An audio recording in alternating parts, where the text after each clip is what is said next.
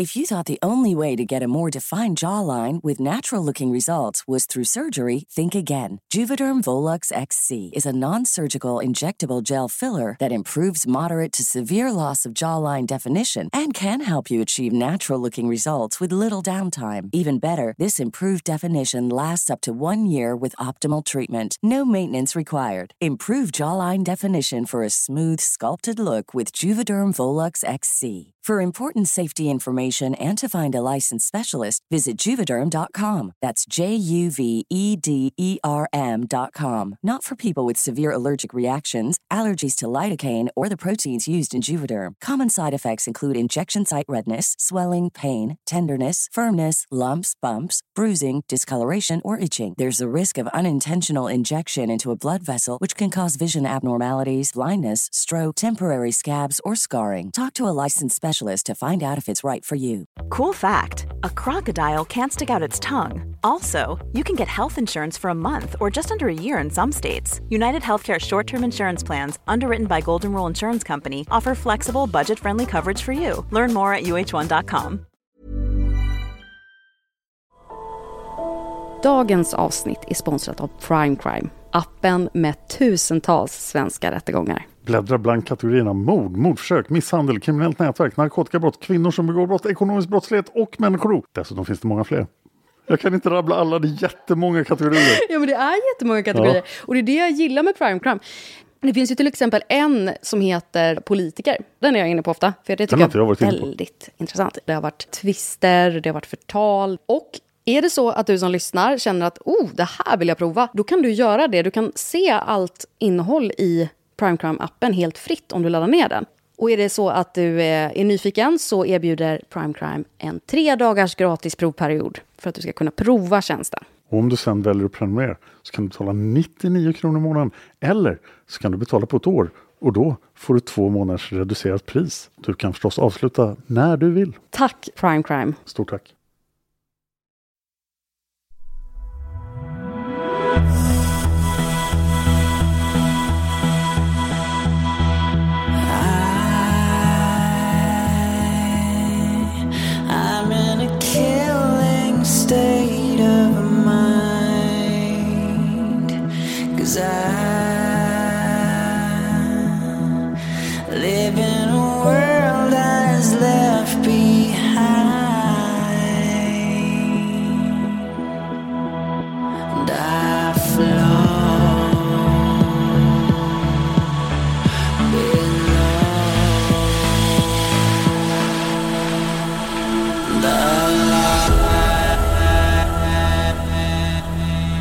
Du lyssnar på Mördarpodden. En podcast av Dan Hörning och Josefin Måhlén. Intro och bakgrundsmusik görs av Erik Segerstedt.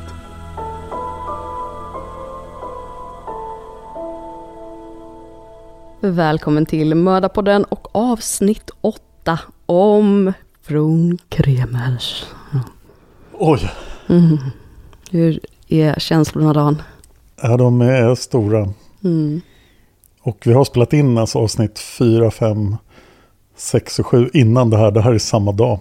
Ja, Och vi ska sluta spela in efter det här avsnittet. Mm. Och imorgon ska vi spela in del 9 och 10. jag är så chockad att vi valde en dag där vi skulle spela in typ det, fem avsnitt och den andra dagen skulle vi spela in två avsnitt. Jag vet inte Ja, varför det det, beror blev på så. att de två imorgon kräver lite hjärnkapacitet.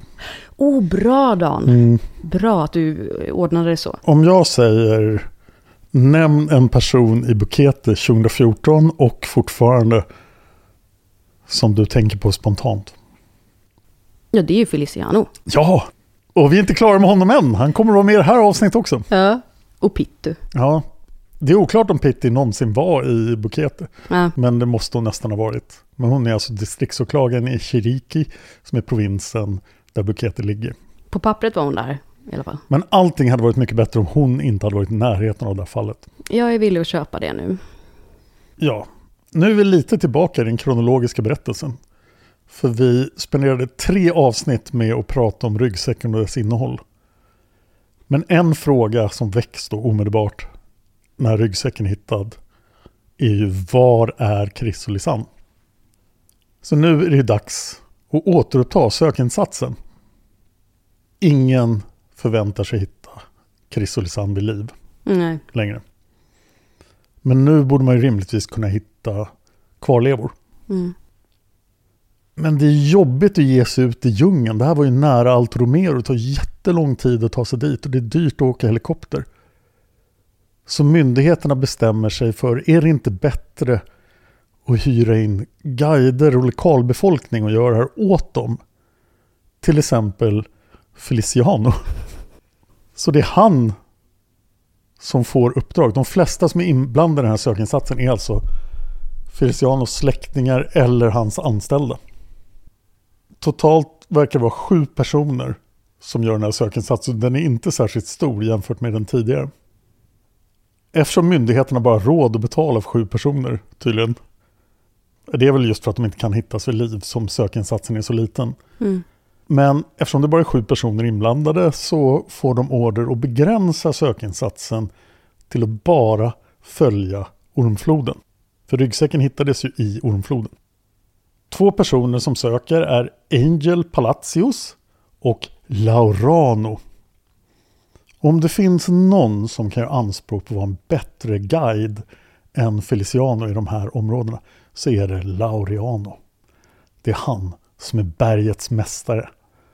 Medan Feliciano är bergets professor så är det här mästaren. En jätterutinerad guide. Och det är de här två. Angel uttalas det förmodligen. Och Laureano, bergets mästare, gör det första fyndet. Och det är Chris Shorts. Oh. Det är inte dokumenterat exakt när det här fyndet görs. Och du kanske kommer ihåg rykten om att shortsen låg prydligt hopvikta på en sten. Mm. Så var det inte alls. De satt fast i en trägren vid flodkanten av Ormfloden. Det är extremt långt från där ryggsäcken hittades. Just det. Just det. Det är väldigt långt därifrån nu. Den nederländska polisen uppskattade att det skulle ta en erfaren person åtta timmar att gå från där ryggsäcken hittades till där shortsen hittades. Är shortsen, där shortsen hittades, det är då längre upp på Ormfloden? Eller? Det är mycket närmare vattendelaren. Nej, Nej det är mycket närmare Bukete Okej, ja som precis. shortsen hittas. Ja. Shortsen är inte alls i bra skick. Det finns ett stort hål i dem och de är leriga. Det finns också flera revor. Men, och det är viktigt, det finns inget blod på shortsen. Bara några dagar efter att ryggsäcken hittades och någon tid efter att shortsen hittades hittar sökteamet två skor. Det här fyndet görs betydligt närmare Alto Romero. Det är långt från Mitador, men det är inte lika långt bort som ryggsäcken. Och fortfarande ut med ormfloden. Det är alltså i mitten kan man säga om man tänker shorts, sen Det, kommer... det är närmare ryggsäcken än... Om ni tittar på Scarlet Airs blogg och alla bilderna så finns det utmärkt på kartan var de här fynden görs. Okej, men shorts, skor, ryggsäck, i Ja, den följden. Ja. Exakt. Den ena skon är brun.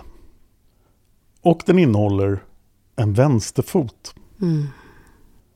Foten sitter kvar i skon i strumpan. Skosnörena är knutna. Det här innebär att foten har kvar huden och vävnaden. Den bruna skon hittades bakom och nästan under ett träd. Och det är lite oklart av vem. Men Feliciano är där snabbt. Den hittas inte i omedelbar närhet av floden.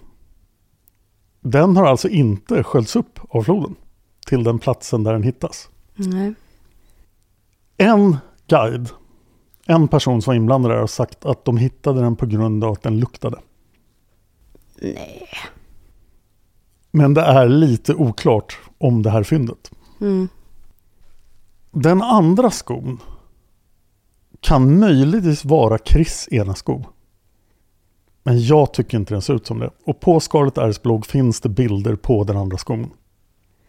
Så det kan vara en helt orelaterad sko. Och vi vet inte riktigt hur nära den andra skon den hittas. Mm. Chris har ju speciella skor på sig. Eh, som jag tyckte på bilderna där så såg de ut som ridskor. Men det var det kanske inte, utan det kanske bara var jag som såg fel. Det jag vet om skorna idag är att de, är, de var bra för vandring. Mm. Men i samband med det här hittas även ett brutet bäckenben. Och latin för bäckenben är ju pelvis. Men de där skorna, det borde man väl kunna säkerställa att det är Chris skor. Eh, om det inte är så att de är halvt eh, förmultna då. då. För om, om det är en, en relativt okej sko som man kan se, då ser man ju både skostorlek och man ser liksom... ehm, ja, alltså det är ju väldigt konstigt om de skulle hitta en sko i närheten av licens, eh, sko med fot i, som, eh, som ser ut som eh, Chris skor men ändå inte kunna identifiera att det är Chris skor. Det, ju verkar som att den här skon inte har utretts särskilt mycket. Skon nummer två. Det finns bilder av den, ni kan titta på själva. Men bäckenbenet och foten är ju de första fynden av kvarlevor. Mm. Så det tas DNA-prover från foten och bäckenbenet. Och de här DNA-proverna jämförs med föräldrarnas DNA. Och det kommer ta ett bra tag, men det matchar. Så att det är Chris bäckenben och Lisans vänstra fot. Och är det Panamapolisen eller är det nederländska polisen som gör det här? Det är Panamapolisen. Och den 19 juni bekräftar Betsaida Pitti, distriktsåklagaren, att mänskliga kvarlevor hittats i det här fallet. Mm. För det skulle ju faktiskt kunna vara så att de hittar på. Hitta på vad då? Ja men Panamapolisen. Ja, Egentligen. För att de ska få slutbet. Kolla det var en olycka, nu har vi hittat. jag tror att det har bekräftats av den holländska polisen också, men jag är Ja. inte säker. De skulle inte göra det så här omständigt om de bara skulle få ett slut på det. Så att de har... Jag tar tillbaka det. Och här skickas då de här kvarlevorna till en obduktion. Och tänk dig den här obduktionen. Det är en fot och ett brutet bäckenben från två olika individer. Och obducenten måste nu försöka lista ut dödsorsaken. Ganska omöjligt. Men obducenten, doktor Moreno, konstaterar att det fanns mikroskopiska tecken av att djur hade gett sig på foten. Mm. Det fanns dessutom inga tecken på trauma orsakat av vassa objekt. På foten. Eller, ja, på foten. Mm. Eller av eld. Okej, så att det har alltså inte huggits av foten? Alltså man kan se på, jag vet inte vad, vad som... Om den har huggits av så har den huggits av så högt att det inte märks. Ja, okej, Mm. nu är jag med. Eh, men där liksom, där fotdelen börjar, det de har kvar av foten, av den splittningen från benet till foten, om du fattar vad jag menar. Ja. Där har det varit naturligt, alternativt att benet har brutits då. Det är ju så att fötter tenderar att ramla av döda kroppar. Va? Ja, Va? det är ganska känt fenomen. Det fanns med i Long Island Serial Killer i seriemördarpodden till exempel. Att det dykt upp fötter i skor på stränder Nej på. Long Island. För att fotleden är väldigt svag. Så när man förlorar vävnaden och musklerna runt omkring så ramlar foten av väldigt lätt. Det är det första som ramlar av en människa och händerna. Okej. Ja, det låter ju för sig logiskt. Det fanns inga skador på foten. Och det har rapporterats att det fanns skador på foten, att foten var stukad eller vrickad eller så, men det var den alltså inte. Okej. Mm. Men obducenten anmärkte på att fotens översida, alltså den sida som stack upp ur skon, var anmärkningsvärt ren och att det inte fanns något avlagrat blod på den. Så att kanske kan man dra slutsatsen då att den har ramlat av efter döden. Mm. Det finns också en notis om att det fanns inga tecken på hugg, slag, pistolskott, tänder eller klor på foten. Så att de här bettmärkena var mikroskopiska. De var väldigt, väldigt små. Men du måste bara, det här med, med, med lik och att fötterna trillar av. Det är inte bara så liksom att... Eh, alltså det måste väl ha någon form av... Att det slår i någonting. Hur menar du? Ja men alltså om, om man har någon som ligger på en likbår så är det inte så att man bara ser hur fötterna trillar av.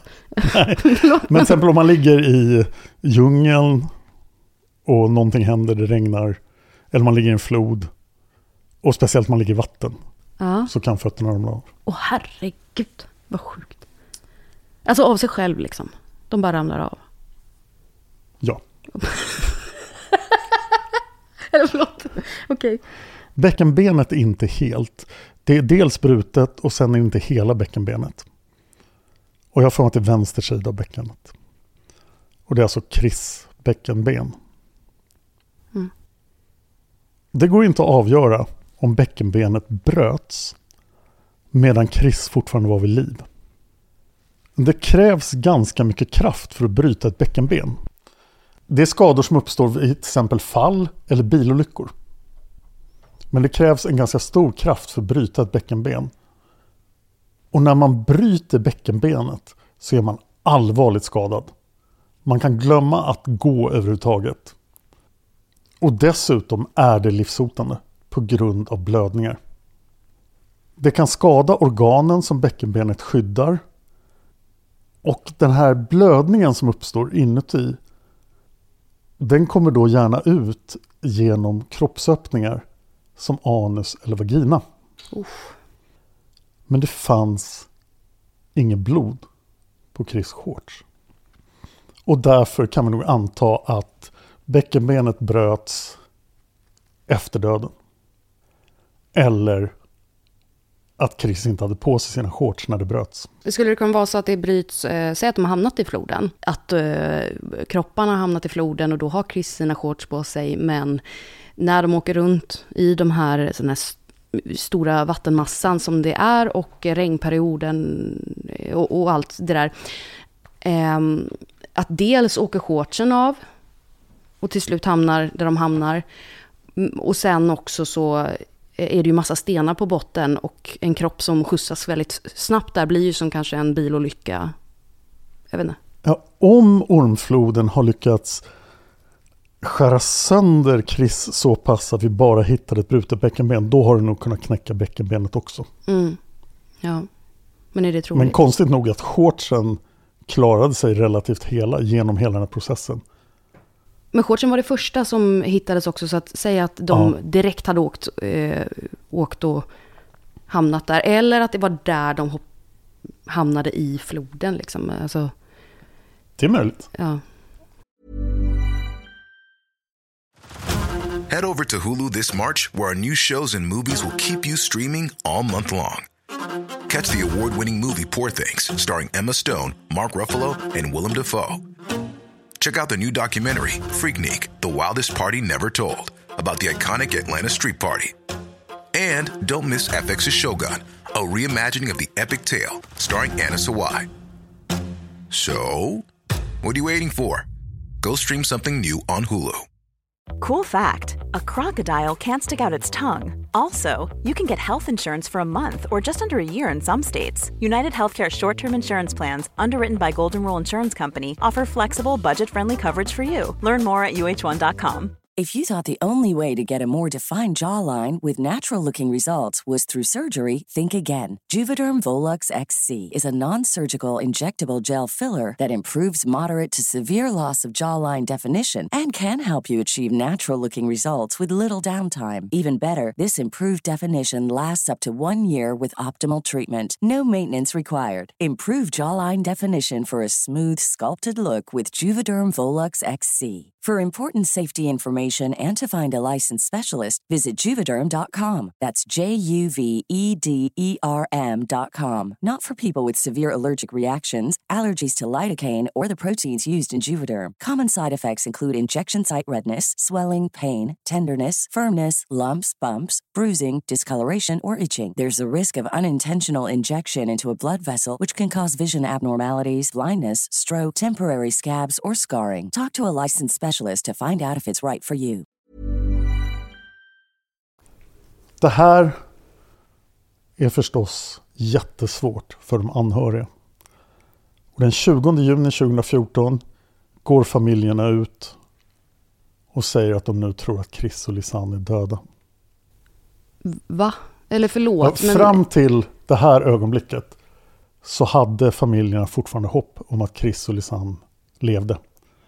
Men det här fyndet övertygar dem om att, de, om att flickorna nu är döda. Ja, det kan man ju för sig förstå. Det skulle kunna vara... eh, Alltså de skulle kunna vara försvunna på andra sätt, även fast man har hittat mobilerna och även fast man har hittat... Eh, ja, alternativt. Men, men trodde de annars att de skulle liksom ha levt i djungeln då? Jag kan ju tänka mig att man har hopp ganska länge. Ja, det är sant.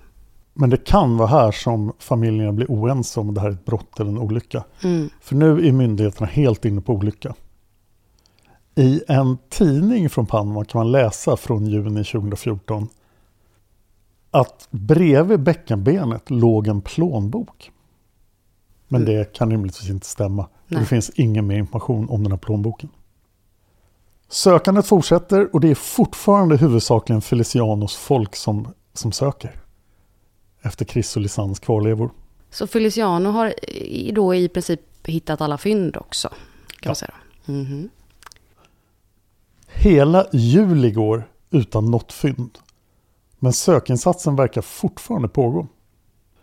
För den 2 augusti 2014 hittas ett reben. Det är det tionde rebenet på höger sida. Och det kommer också från Chris.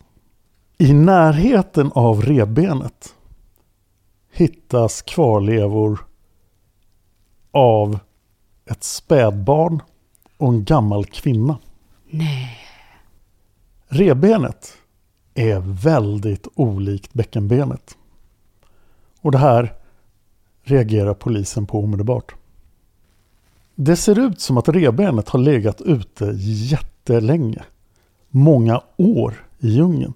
För det är nämligen helt blekt. Oh, vi har kommit dit. Jaha. En polis i Panama skriver en rapport om det här fyndet. Och säger att nu är det uppenbart att det här är ett mord. För det här revbenet har blivit blekt av gärningsmannen. Men det tycker inte Betsaide Pitti. Och det är hon som bestämmer över utredningen. Det är väldigt oklart vem spädbarnet och den gamla kvinnan är. Och det kan mycket väl vara så att det här är folk som har fallit från repbroarna. För det hände då och då 2014. Och det är därför man idag har byggt om repbroarna. Så att de nu är mycket, mycket säkrare. Mm. Det finns en dokumentär gjord av Travel Channel om det här fallet som inte är så mycket att se. Man kan se lite hur Pianista ser ut och hur det ser ut vid Ormfloden. Men då gör de ett jättestort nummer av att de här repbroarna är livsfarliga. Men vi får komma ihåg att lokalbefolkningen använder repbroarna varje dag, hela tiden. Mm. Men det var folk som förolyckades där. Men det är som sagt extremt anmärkningsvärt att det här benet ser helt annorlunda ut än bäckenet. Och båda är delar av Chris. 26 dagar senare hittas fler ben. Den 28 augusti hittas ett antal ben. Två av dem kommer att visa sig vara Lisans vänstra lårben och vänstra skenben. Utöver det hittas flera andra ben, men de är också från andra människor. Och de här fynden, om vi tänker nu, går det i kronologisk ordning Ja. eh, rent, alltså i flodmässigt? Förstår du vad jag menar? Nej, nej, de Nej. ligger vid olika platser. Och det säkra sättet att se det är att titta på kartorna som finns på Scarlet Airs blogg. Okej. Eh, Men jag kommer till den också. Dessutom hittas en massa hud från Lisanne. Men den kommer också från hennes vänstra ben. Så att alla fynd från Lisanne är från det vänstra benet. Mm. Återigen hittas Chris och Lisannes kvarlevor i närheten av varandra. Men jättelångt från det första fyndet. Det här är längst bort från utsiktsplatsen. Det här är bortom Alto Romero. Det är bortom den tredje repron. Det här är långt, långt ner på Ormfloden. Det här är kanske tio timmars vandring från där ryggsäcken hittades. Och den var längst bort innan det här fyndet. Och det är alltså åt andra hållet från ryggsäcken jämfört med shortsen. De två bitarna av Chris hittades alltså över 12 timmar ifrån varandra. Vissa av kvarlevorna har alltså fortfarande fragment av hud på sig. Det finns fortfarande nagellack på Lisans tånaglar på vänsterfoten. Och allting har hittats i närheten av ormfloden. Men det är också bara där det har sökts efter kvarlevor. Mm. De andra benen som hittades tillsammans med Lisanne tillhörde tre olika personer. De har inte identifierats. Vet vi om det fortfarande är Feliciano och hans gäng som hittar det här? Oh ja. Mm. Den här José som Lost in Panama intervjuade, han som eh, var chef för sina prox senare, men inte idag. Han berättar också för Lost in Panama att en av de vanligaste dödsorsakerna i Panama är att bli bortsvept av en här flodvåg och drunkna. Ja. Och det verkar som att folk drunknar till höger och vänster. Och det är när man går över en repbro till exempel? Eller om man bara går i närheten av floden så kommer en stor flodvåg och sveper iväg och sen eliminerar floden alla kvarlevor och pulveriserar den totalt. Mm. De andra kvarlevorna som hittas, det kan vara så upp till fem olika individer i samband med det här söket. De har legat där mycket längre än sedan april 2014. Mm. Men ingen av benen som hittas från de här fem individerna är blekt. Det är bara Chris reben. Trots att de hittas nära varandra då? Ja. En massa hud från Lisanne hittas. Och det här är ett av de konstigaste fynden. Det är 30 centimeter hud från benet. Oj! Obducenten som tittar på de här kvarlevorna, jag är lite osäker om det fortfarande är Dr. Moreno eller inte, reagerar över att den här huden har fluglarver i sig. Vilket innebär att den bara är några dagar gammal. Och vi är alltså i slutet av augusti, det har gått nästan fem månader. Men förruttnelseprocessen har precis börjat på Lissans hud. Det här är möjligt om huden har legat någonstans Ja. där det var väldigt kallt. ja. Kanske i någon mörk grotta. Men kanske också i en frysbox. Äh, men vad tusan. Obducenten kommer fram till att huden kommer ifrån Lisans skenben. Alltså underdelen av benet. En journalist, Adelita Koriat, skriver om det här fyndet, citat. Huden visar de första tecknen på förruttnelse och den tyder på den mörka plats där resten av kroppen förmodligen finns. Det här är kvarlevor som tydligt visar att det här är ett mord. Huden hade svarta, runda fläckar på ungefär en femtedel av sin yta. Den största fläcken var 7 mm i diameter. Det fanns också röda fläckar på huden. Det hade uppstått på grund av muskelhemoglobin. Och det är också någonting som bara hände precis efter döden. Det fanns hål i huden. Mellan 8 och 10 hål på hela ytan. Och det var tydliga tecken på insekter. Fluglarverna borde inte ha funnits här. Om Lisanne dog för fyra och en halv månader sedan. Slutcitat. Men om de varit i vattnet då? För då är väl inte flyg, fluglarverna så eh, intresserade? Jag tror att de är ganska intresserade också, men det kanske är möjligt. Det här känns som någon borde studera noggrannare. Mm. Och obducenten hävdade ju att det här huden måste ha förvarats på någonstans var väldigt mörk och väldigt kall. Huden hade rullat ihop sig till en boll. Och den här bollen satt alltså inte fast vid benet. Så obducenten ställer också sig frågan hur den som hittade fyndet kunde identifiera att det här var människohud. Ja. Och man undrar ju också så här, varför skulle den här huden hänga med benet? För, för benet då var också med, eller förstår du menar? Alltså, eh, skelettet, en skelettdel från benet var också med. Mm. Och en Men det råder som sagt oklarheter om exakt var sakerna hittas i förhållande till varandra också. Ja, Och det här har förstås inte utretts särskilt bra i nej. Panama. Nu blir utredningen ännu mer övertygad och Betsaida Pitti anser nu att det är ormfloden som har dödat Lisanne och Chris. Nattbilderna är tagna vid andra repbron och sen föll de ner i floden och dog. Mm. Båda två. Det bör också nämnas att just olyckor där två personer faller ner och dör är väldigt sällsynta. Däremot kan en person falla ner och dö och den andra personen kanske försöker rädda dem och dör. Men oftast är det bara en person som förolyckas på det sättet. Mm. Lost in Panama, podden, intervjuar en expert på att leta efter folk i djungeln. Som har hittat massor av kroppar från folk som har dött i Panamas djungel. Och han har aldrig sett någonting liknande. Han har gjort det här i 30 år. Kenneth? Nej, inte Okej. Kenneth. Han är död idag. Ja. Kroppar som har blivit svepta med floden, säger han, uppvisar vissa speciella skador och djuren kommer och äter på kropparna. Men här finns det inga tydliga spår på att djur har ätit på dem, som inte är mikroskopiska. Man kan ju också tänka sig att en kropp som slits i bitar av floden inte hittas. Så att den här vildmarksexperten på 30 år har förmodligen bara hittat kroppar som inte har pulveriserats av en Mm. flod. Jag tänker på skon där, liksom, den bevarar ju ändå skon foten. Mm. Eh, och den kan ju ha slitits av av naturlig orsak, men att någon ändå har varit där och käkat lite med att det inte syns, för att de inte har tuggat på benet. Liksom. Men sen har alltså hittat de här kvarlevorna över en väldigt stor bit av ormfloden. Men vi har inte hittat något mer. Det är ändå väldigt lite.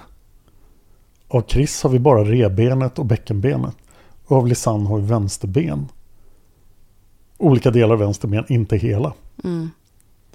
Men det är ändå väldigt lite. Ja, jag tycker inte alls att det är konstigt att det är lite, för dit floden slutar så eh, skulle man ju då kanske kunna åka dit och kika lite vart, vad som kan finnas där. Vi ska prata lite om slutet av ormfloden Oh, i avsnitt 10. okej, då var det inget. Det är folk där och tittar as we speak. Ooh. Det verkar som att en annan rättsläkare får ta över här, för jag antar att det inte är Dr. Moreno som jag nämnde tidigare. För den här rättsläkaren intervjuas i Lost in Panama. Och han vill jättegärna vara anonym. Så om jag nu outade att han heter Dr. Moreno så har jag varit jättetaskig. Ja. För han är helt övertygad om att det här är ett brott och att mördaren kommer att försöka döda honom. Oj. Ja. Och då kan han ju gärna inte ha haft sitt namn med i källorna. Nej. Men folk borde ganska lätt kunna ta reda på vem som obducerar. Och det här är obducenten som kommer från Mexiko som jag nämnde tidigare. Så han har obducerat gängvåldsoffer i Mexiko. Och det är kanske det som gör att han tror att gäng ligger bakom allt. Men han ställer upp på en intervju i Lost in Panama. Och han har då sin verksamhet i David i provinshuvudstaden i Chiriquí. Där också fröken Pitti sitter. Jag nämnde i första delen att Panamas mordstatistik är nästan dubbelt så hög som USAs. Men Mexikos är fem gånger så hög som USAs. 2021 hade Mexiko 28 mord per 100 000 invånare. Så att vara rättsläkare i Mexiko innebär förmodligen att man har erfarenhet av att titta på mördade människor. Han kan ju förstås inte heller fastställa dödsorsaken för det är fortfarande väldigt lite som man har hittat av Chris och Lisanne. I sin obduktionsrapport säger han att det är omöjligt att avgöra om det här är ett mord eller en olycka. Men han verkar väldigt övertygad om att det är ett mord. Men det vill förstås inte Pitti lyssna på. Han gör dock några intressanta fynd. Han konstaterar att benmärgen i Lisans fot och i benen som hittades är torr. och Har inte förmultnat. Och det tar han som ett tecken på att Lisans ben har inte legat i vatten. I alla fall inte under alla de här månaderna. Benmärgen är oväntat bra skick. Mm. Han går vidare på sin teori i Lost in Panama och säger att det här är säkert trafficking och organhandel. Nej men vad? Jag försökte kolla upp det lite hur vanligt det faktiskt är och det fanns förstås sexuell trafficking i Panama. Men den här organhandeln är inte riktigt bevisad. Men jag hittade en uppgift om att man får 10 000 kronor för en vuxen människas blod. Så man tömmer en vuxen människa på blod kan man sälja för 10 000 kronor. Det här har jag ingen bra källa till. Men alltså, vad fan. Dessutom finns det också illegala knarkplantager i djungeln. Men det kan vi återkomma till i spekulationsavsnitten. Ja, det kanske det gör. Men det, det, finns ju inte... Jag har väldigt svårt att tro att det skulle finnas liksom olika ställen i djungeln som är som små butiker där man säljer organ. Nej, de hämtar nog organen och liksom, många går förbi djungeln? Man kanske vill ta organ från ursprungsbefolkningen för det verkar inte vara någon som bryr sig om de dör. Nej men det absolut, mm. det har ju dött en hel del ursprungsbefolkningen som eh, vi inte sitter och pratar om här utan vi Ja, men man vet ju inte hur, hur många som har dött där och vad som sker och så, för att det rapporteras ju inte. För att det är ju de här kända fallen som det rapporteras om. Men man vet ju inte vad som händer den där gamla tanten eller eh, spädbarnet. Ja, de kanske också hade tömts på blod. Ja. Lost in Panama får inte ut så mycket mer av den här obducenten. Så de tar hans obduktionsrapport och skickar den till en expert från Costa Rica.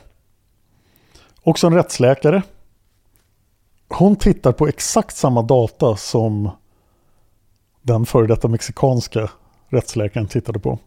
På hans rapport. Och hon tycker att det här ändå stämmer ganska bra med en olycka. Men i slutändan så måste vi minnas att vi har så lite av Chrysolisand att det går ju inte att dra några slutsatser. Mm. Det finns ju ingen direkt dödsorsak på kvarlevorna. Det hon inte kan förklara är det blekta rebenet.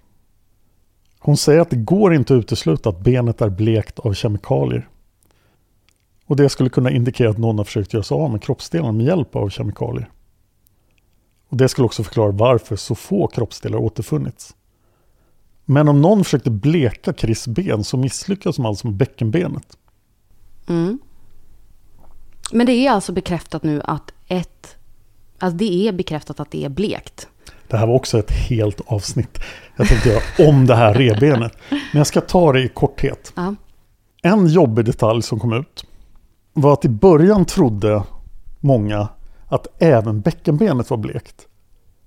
Men det visade sig att polisen hade kokat bäckenbenet efter, efter obduktionen. Varför? För de försökte få bort eh, vävnaden som var kvar så att de skulle tydligare se om det fanns något tecken på våld. Mm. Återigen, jag hittar inte på det här.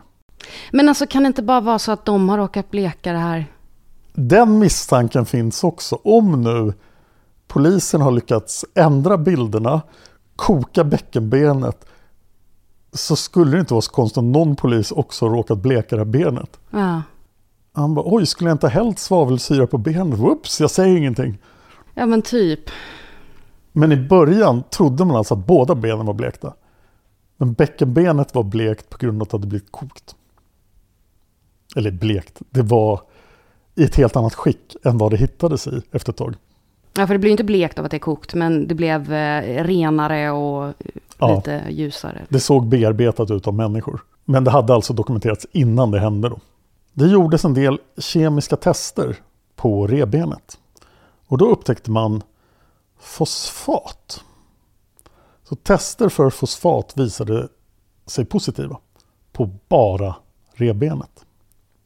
Fosfat används i kemiska blekningsprocesser.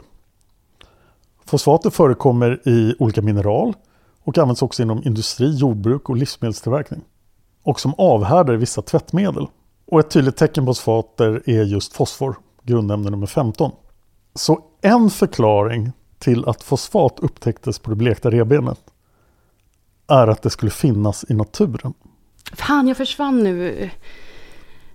Fosfat, det var jätteintressant, förlåt. Om vi bara passar där, kan du förklara ja. snabbt vad du sa? Man hittade tecken på fosfat och det skulle möjligtvis kunna komma från naturen. Ja. Men Sen upptäcker man att det finns ingen fosfat på Mexikanska golfen-sidan av vattendelaren. Okej. Så att det är inte från naturen. Nej, för det var min... Jag satt och tänkte på det förut, att det skulle kunna vara någonting från naturen som bleker naturligt. Men då har man uteslutit inte bara fos, fosfat utan även fler alternativ, kan man ju tänka. Ja, man har testat för flera saker. Mm. Kirikis institut för juridisk medicin och kriminalvetenskap skrev en rapport om det här. Mm. Där de konstaterade att kalk kunde användas för att bleka det här benet. Mm. Och det skulle kunna förklara, men det såg onekligen ut som att en människa hade blekt det här benet. Avsiktligt. Men när de skickade in den här rapporten så blev Betsaida Pitti i upprörd. För det här stämmer ju inte alls med olyckoteorin. Men du, lika löser lika. Består inte skelett av kalk? Säger man inte det? Drick mjölk så får du bra skelett. Nu, ja, det stämmer. Kalcium. Men eh, nu ska vi inte göra bort oss mer på kemin. Nej, nej. Den här rapporten från Kiriki-institutet läckte ut och blev uppenbarligen helt ignorerad av distriktsåklagaren. Så det finns egentligen bara två möjligheter varför det här benet är blekt. Antingen har en människa blekt Chris ben för att kanske försöka lösa upp hennes kropp men missat bäckenbenet. Eller så har någon polis gjort bort sig och råkat bleka det benet. Men det är blekt. Och inte utav solen. Utan Nej. kemikalier. Utan Mm. det ska ha tagit flera år. Mm. Så Chris obduktionsrapport finns ute. Den har offentliggjorts. Men Lisans obduktionsrapport har aldrig offentliggjorts. Och finns inte med i förundersökningen. Men varför det? Det vet vi inte. Kan det vara så att Panamapolisen glömde att skriva den kanske? Det är inte omöjligt. Men obducenten som tittade på det har ju Mm. uttalat sig. Ja, just det. Men det blekta benet skulle alltså kunna bli ett helt eget avsnitt. Mm. För det finns så mycket åsikter om det och sådär. Men det här verkar vara vad jag tror är sanningen om det idag. Vi vet alltså inte riktigt exakt var de här kvarlevorna hittades. Det har sprungit runt en massa människor som varav de flesta jobbade för Feliciano. Polisen har gjort konstiga saker med kvarlevorna. Och det är där vi är. Efter augusti 2014 har ingenting hittats av Lisanne eller Chris. Ingenting, inte ett enda ben. Och det är väl ganska osannolikt att det ska hittas idag. Eller? Det ska vi prata mer om i del 10. Uff. Nu är det bara spekulationsavsnitten kvar. Alltså, Ja, så i nästa avsnitt ska jag berätta vad som hände. Mm. Och sen ska vi spekulera. vadå berätta vad som hände? Jag ska ge en gärningsbeskrivning av hur Chris och Lisanne dog. Som även involverar Osman, hans kompis och taxichauffören Leo. Som också dog under konstiga omständigheter. Och kanske Feliciano? Feliciano kommer förstås att vara med. Ja, han har ju varit med på allt hittills. Jag har lite hård fakta Jaha. som jag inte hittar någon plats för i de här avsnitten. Som jag känner att man behöver känna till Mm. om man ska fundera på det här fallet. Så nu kommer lite random hård fakta så här i slutet av avsnitt 8. Först funderade jag mycket över höjdskillnaderna. Och jag har nämnt några av dem här, men jag tänkte ändå dra dem här. Bukete låg alltså ungefär 1200 meter över havet. Mittador 1800 meter över havet. Platsen där bild 508 togs är 1300 meter över havet, alltså 500 meter ner från vattendelaren. Och det är ju en uppfattning om hur brant det är. Att det verkligen är stora höjdskillnader. Alto Romero ligger bara på 800 meter, så du är 1000 meter under vattendelaren när du är i Alto Romero. Platsen där jeansshortsen hittades ligger också på 800 meter, det var ju Alto Romero. Och platsen där de sista kvarlevorna hittades låg på 400 meter. Och det var längst bort från vattendelaren. Och sen måste jag prata om temperaturen i Panama Mm. i april 2014. För som jag sa förut, att Panama-medierna, de ville gärna att det skulle vara jättehemskt i djungeln, det skulle vara jättefarligt i djungeln. Man skulle absolut inte gå över vattendelaren, för då kunde man dö. Och de envisade också med att säga att det var 12 till 14 grader i djungeln vid den här tiden. Men de var väldigt oklara med när var det 12 till 14 grader? Var det den genomsnittliga temperaturen eller var det när det var som kallast? Och det finns en sida som heter Imperfect Plan. De har gjort enormt mycket arbete på det här fallet. Och speciellt med bilderna. Så Imperfect Plan kan ni googla på, Lisanne och Chris. Men de har också gjort en temperaturstudie. Och kommit fram till att det var ungefär 20 grader varmt i genomsnittstemperatur. Och digitalkameran mätte temperaturen, så varje bild har en temperatur noterad på sig. Jag vet inte hur bra den var på att mäta temperatur. En Oj. jättemärklig funktion i en digitalkamera. Ja, ja, fast kanske ändå inte. Alltså jag tänker på att den... Ja. En av nattbilderna, då är det 24 grader varmt. Och det är ju ingen livshotande temperatur direkt, även om man har shorts och en topp på sig. Nej. Imperfect Plan snurrar också in sig på något resonemang att kameran verkar visa exakt temperaturen i Bukete. Fast vi vet ju av bilderna att de inte är i närheten av Bukete. Mm. Jag har två frågor till då innan vi lämnar avsnitt 8. Var är Chris och Lisannes kläder? Vi hittar alltså bara en eller två skor och shortsen. Det fanns en grej jag inte tänkte ta med här avsnitten, men den är ganska intressant. De intervjuar en guide i något sammanhang som bor på Pianista. Han bor i ett litet hus upp på Pianista. Och när han intervjuas så ligger det ett vit rött-randigt tyg, något slags plagg, bakom honom i hans hylla. Nej! Och det här är flera år efter. Och Chris har ju på sig det här väldigt distinkta linnet. Om man tittar på bilden ser det verkligen ut som att han har sparat Chris linne. Men det låter ju så fruktansvärt osannolikt. Det är förmodligen Ja. hans så här, kökshandduk eller något. Men så klantigt att ha den där. Ja, om det verkligen var Ja. Chris linne så var det väldigt dumt. För det är, Chris Linne är ju verkligen som en symbol för fallet tycker jag. Alltså Ja. det, jag, när jag ser det mönstret så, uh, jag får rysningar. Ser man någonsin det mönstret? Ja, nu ska vi se. Jo, men sådana här, eh, vad heter de som är på, eh, sådana här du vet, när, man, när solen ligger på, när man sitter på ett uteställe så har man eh, något som, det är ett fint namn, fast jag kommer inte ihåg vad det heter. Parasoller? Ja, eh, jo men parasoll, mina föräldrar har nog ett parasoll som är i hennes mönster där. Ehm, Är det parasollet gjort av Chris linne? det var väldigt XXL-linne, det är ett stort parasoll. Men ehm, serpentin, nej, du vet. Ja, Men du vet, eh, om, om där. Markis? Markis, jag sa ju att det var ett fint namn. Markiser tycker jag. Mm.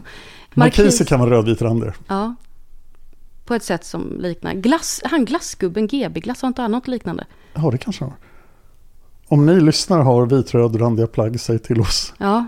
Men det var också lite, alltså jag tycker att man får lite så här. Jag kommer ihåg, Är det ett 2014-plagg? det är alltså? 2014-plagg. Ja, Är det ett för- modeplagg? ja, skulle vi kolla på Men bilder. Chris gillade ju mode. Skulle du kolla på bilder på mig eh, 2014 så skulle jag kunna ha sådana kläder. Jag men, men jag skulle kunna ha sådana kläder idag också. Men det är just någonting med det här liksom lite typiska man, eh, färgstarka linne. Jag vet inte. Men Jag har en sak till jag vill ta upp i det här avsnittet. Och jag har tvekat om jag ska ta upp det, för det är så otroligt osannolikt. okej. Men jag kan ändå inte låta bli att tänka på det. Ufon. Nej, de kommer i avsnitt Aha. 10. Ja, okej. Och dimensionsportaler och sånt sparar vi till avsnitt 10. Mm. Men eh, familjerna gav ju upp där i juni 2014. Och alla tänker ju idag att Lisanne och Chris är döda. Mm. Men det finns ju en teoretisk möjlighet att de fortfarande lever. Det är förstås otroligt osannolikt. Jobbigt att leva utan bäcken och vänsterfot. Ja, bäckenben kan ersättas. Men det är ju så livsfarligt när de bryts. Men med vård kan de ersättas och folk kan överleva utan ett vänsterben. Så jag vill inte säga, men jag kan inte sluta tänka på det. finns en liten, liten, liten, liten, högst otroligt osannolik chans att en eller två av dem lever. Jag har hört också om folk som tar bort revbenen för att få smalare midja också. Kan det här varit något så här... Jag tror inte man tar bort det tionde revbenet då. Utan det finns revben under det. Minst ett, nu blir jag lite osäker. Och def- man tar definitivt inte bort sitt bäckenben eller sitt vänstra ben. Ta bort sitt vänstra ben är ett snabbt sätt att gå ner i vikt, men rekommenderas inte. Men jag ville bara lufta den möjligheten. Ja. Att en eller båda skulle teoretiskt kunna vara vid liv. Men det är de förmodligen inte, eller förstås inte. ja, men om man vill försvinna, skulle man kunna då ha gjort en egen liten konst, alltså att de jobbar tillsammans med Pitti. Alltså att Pitti är med på det här. Det behöver ju inte vara deras egentliga eh, ben med DNA och sånt. Utan det kan ju vara så att det är planterat av Pitti själv. Oj, Och att hon vet var de befinner sig idag. det skulle vara en konspiration om något. Don't you love an extra $100 in your pocket? Have a TurboTax expert file your taxes for you by March 31st to get $100 back instantly. Because no matter what moves you made last year, TurboTax makes them count. That means getting $100 back and 100% accurate taxes only from Intuit TurboTax. Must file by 331. Credit only applicable to federal filing fees with TurboTax full service. Offer can be modified or terminated at any time.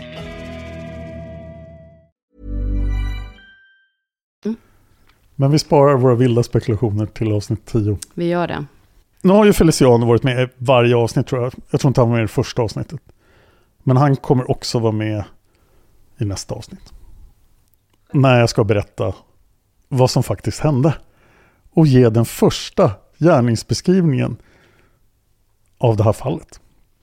Och när Jeremy Cright hörde den här gärningsbeskrivningen så säger han just att det här är det första som verkligen förklarar allting konstigt i det här fallet. Jag håller inte med honom. Jag vill tacka Chris på Imperfect Plan för benanalyserna. Jag vill tacka Jeremy Cright för allt arbete han har gjort med det här fallet. Speciellt på Daily Beast och i podden Lost in Panama. Jag vill rikta ett jättestort tack till Scarlett R för arbetet med hennes blogg och allting hon har tagit reda på. Hon har också varit otroligt bra på att sammanställa information om det här fallet. Och jag älskar verkligen bildsidan vi har länkat till i alla avsnitt. Jag vill också tacka Sofie Karlsson som skrev det här ursprungliga manuset. Precis som hon lovade att göra i avsnitt 100. Och jag vill tacka ett stort tack till Dan som har gett mig den längsta informationsinmatningen jag någonsin har varit med om. Inte ens i skolan så var det så här, sju timmar. Alltså jag, jag kommer snart börja ta upp kameran och ta massa konstiga nattbilder. Alltså jag är helt slut i mitt huvud nu. Och det är så mycket tankar, så mycket spekulationer. Och jag förstår att vi ska ta morgondagens avsnitt efter en natts sömn. Ja, För annars så hade det kunnat gå riktigt illa. Så nästa avsnitt blir det först gärningsbeskrivning och sen ska vi spekulera massor och sen kommer jag förmodligen prata om det här fallet tills Josefin stoppar mig. Låter fantastiskt. Så vi har satt en sluttid som är mycket tajtare imorgon. Mm. Just att det inte ska spåra ur fullständigt. Ja, min syster kommer hit faktiskt för att vi ska lyckas sluta prata om fallet. Hon gör en intervention. Så vi får väl hoppas det, att hon kan bryta oss loss från det här.